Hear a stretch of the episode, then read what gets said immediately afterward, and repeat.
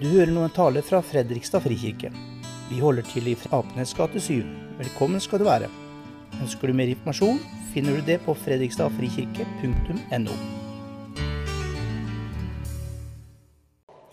Er det, er det noen av dere her som er mørkeredde? Ja, det er noen som så vidt uh, tør å vifte litt med hånden.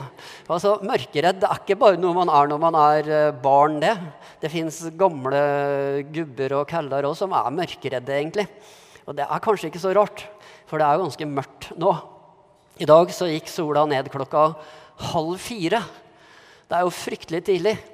Altså, midt på sommeren så er jo sola oppe til kanskje klokka ti eller til og med halv elleve. Og nå er det altså halv fire, så går den ned, og nå er det klissmørkt ute. Ja, I går så var jeg ute og gikk en tur i skogen. Og jeg prøvde å ta et bilde, fordi jeg hadde en lykt som ikke rakk så veldig langt foran der jeg gikk. Men det var liksom så mørkt. Og hva som var rundt meg i skogen eller foran der, det visste jeg jo egentlig ingenting om. Det kunne være hva som helst. Det kunne være en uh, bjørn, en gaupe, en uh, leopard, et troll. Hvem vet hva som fins ute i skogen en mørk novembernatt? Ja, det var ikke natt, da, for klokka var kvart over fem. Men det var så mørkt. Så ingenting. Men vi er jo ganske heldige, egentlig. For vi lever i en tid der det fins masse lys. Eh, og ute så er det gatelys, og hvis vi går ut, så trenger vi ikke være så veldig redde. Men hvis vi tenker oss at vi sier 100 år tilbake i tid, så var det mye mørkere. Mm, det var jo nesten bare stearinlys og oljelamper. og eh, Litt før det så var det ingen elektriske lys. Og på den tida, hvis vi vil si 100-150 år tilbake i tid, så var det jo til og med ingen som hadde, det var ingen som hadde do inni huset sitt. Hvis man skulle på do, så måtte man gå ut. Eh, og så sto liksom doen kanskje borti skogkanten. Og kan tenke dere det, det var ikke noe lys. Og det var midt på vinteren og mørkt og kaldt. Og så våkna du om natta og så tenkte du at 'jeg må på do'. Og så var det så mørkt ute. Det er ikke rart at folk ble mørkredde da i gamle dager. I hvert fall. Vi trenger lys. Og vi leste om lys, eller vi har fått lest for oss om lys.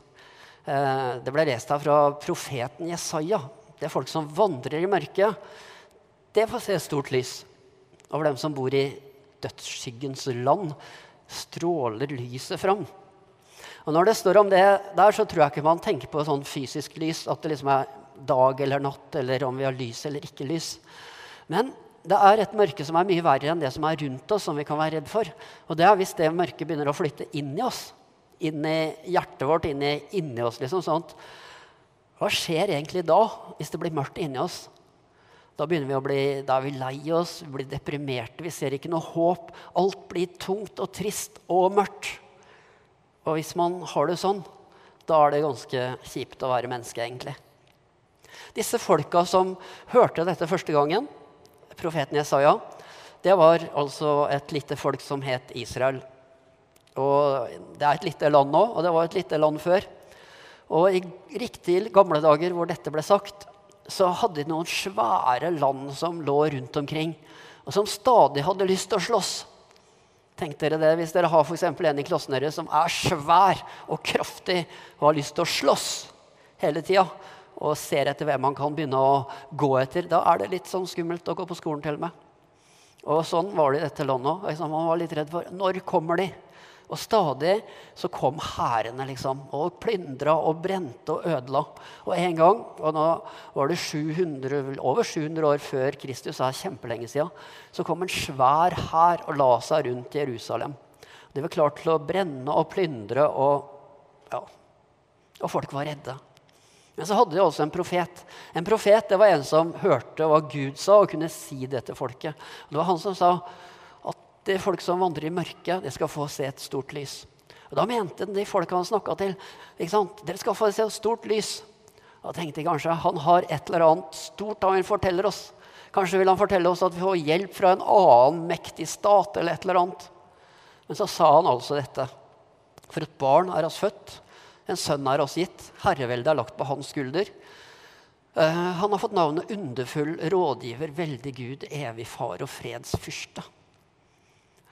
Og de tenkte ok, vi er redde. Og han sier det skal bli født et barn. Ta det med ro. Kan et barn redde noen som er redde for krig? Hm.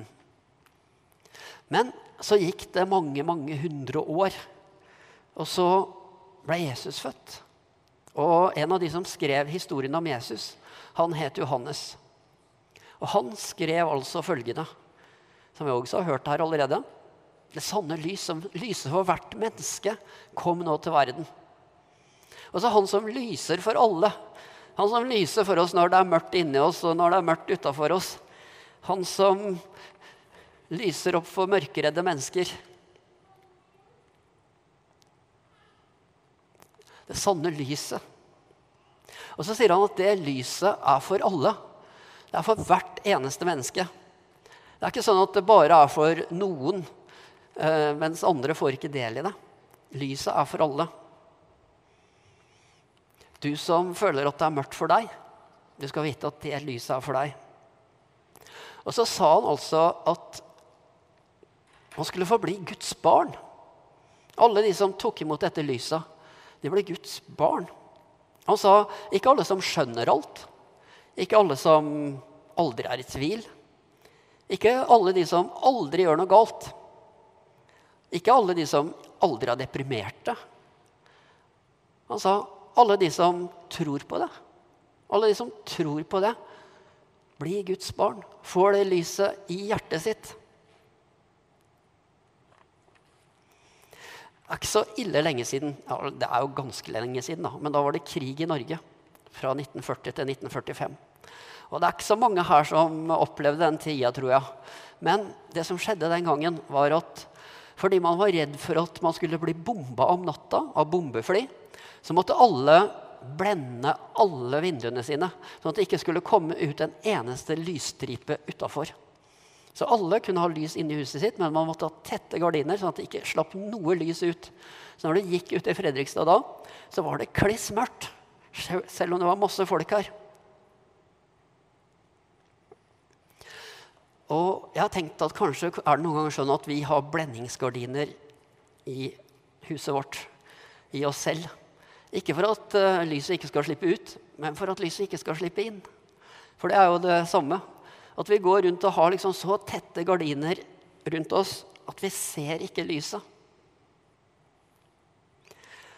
Pass på at vi ikke har det sånn. For hvis det er masse lys der ute, så er det ikke noe vits i å sitte i mørket her inne. Hvis lyset skinner, så trenger ikke vi leve i mørket. Da går det an å lukke opp den døra og slippe det lyset inn. Og kanskje finner vi ut at det sto faktisk noen utafor der og banka på. Og at det er han som sier at 'jeg er verdens lys'. Og den som tror på meg, skal ikke vandre i mørket, men ha livets lys.